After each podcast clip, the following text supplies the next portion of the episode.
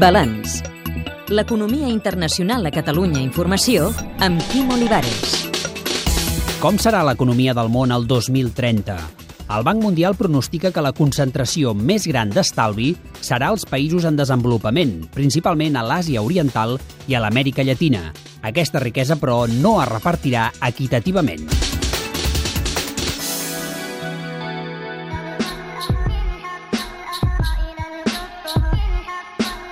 Mauricio Busolo, economista líder del Banc Mundial i autor principal de l'informe Global Development Horizons.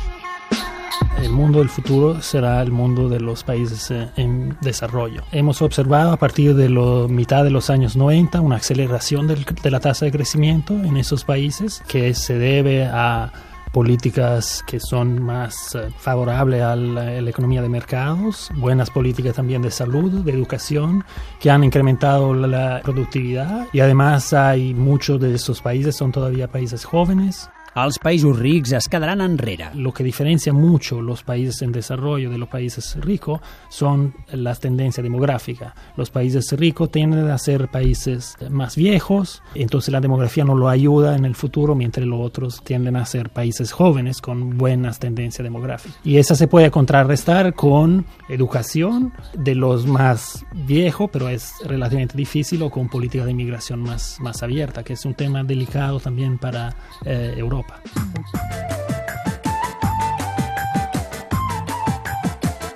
La meitat de l'acumulació de capital mundial serà al món en desenvolupament. En términos de oferta de trabajo, en los próximos 10 o 15 años, casi todos lo nuevo ingresado en el en edad de trabajo vienen de economías en desarrollo. No es que los países ricos se van a desaparecer, pero el peso económico de los países en desarrollo va a aumentar mucho. Això hauria de ser una oportunitat per Occident. No diría que es uh, una cosa negativa para los países uh, eh, ricos porque van a tener más mercados, entonces es bueno para, para el mundo que haya más uh, distribución del ingreso un poco más equitativa.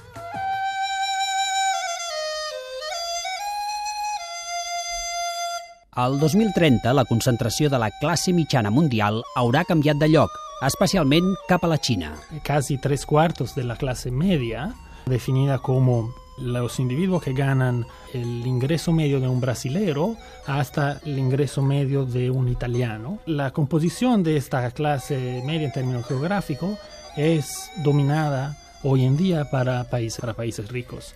En 2030 va a ser dominada para países emergentes y en particular tres quintos o casi de la clase media del futuro está compuesta para habitantes de, de, de China. Tres cinquenes parts de la classe mitjana mundial seran, doncs, a la Xina, però la desigualtat entre els xinesos, que viuen a la costa, i els de les zones rurals, encara creixerà més. És a dir, es reequilibrarà la riquesa global, però no la de les societats. Un exemple és l'Amèrica Llatina.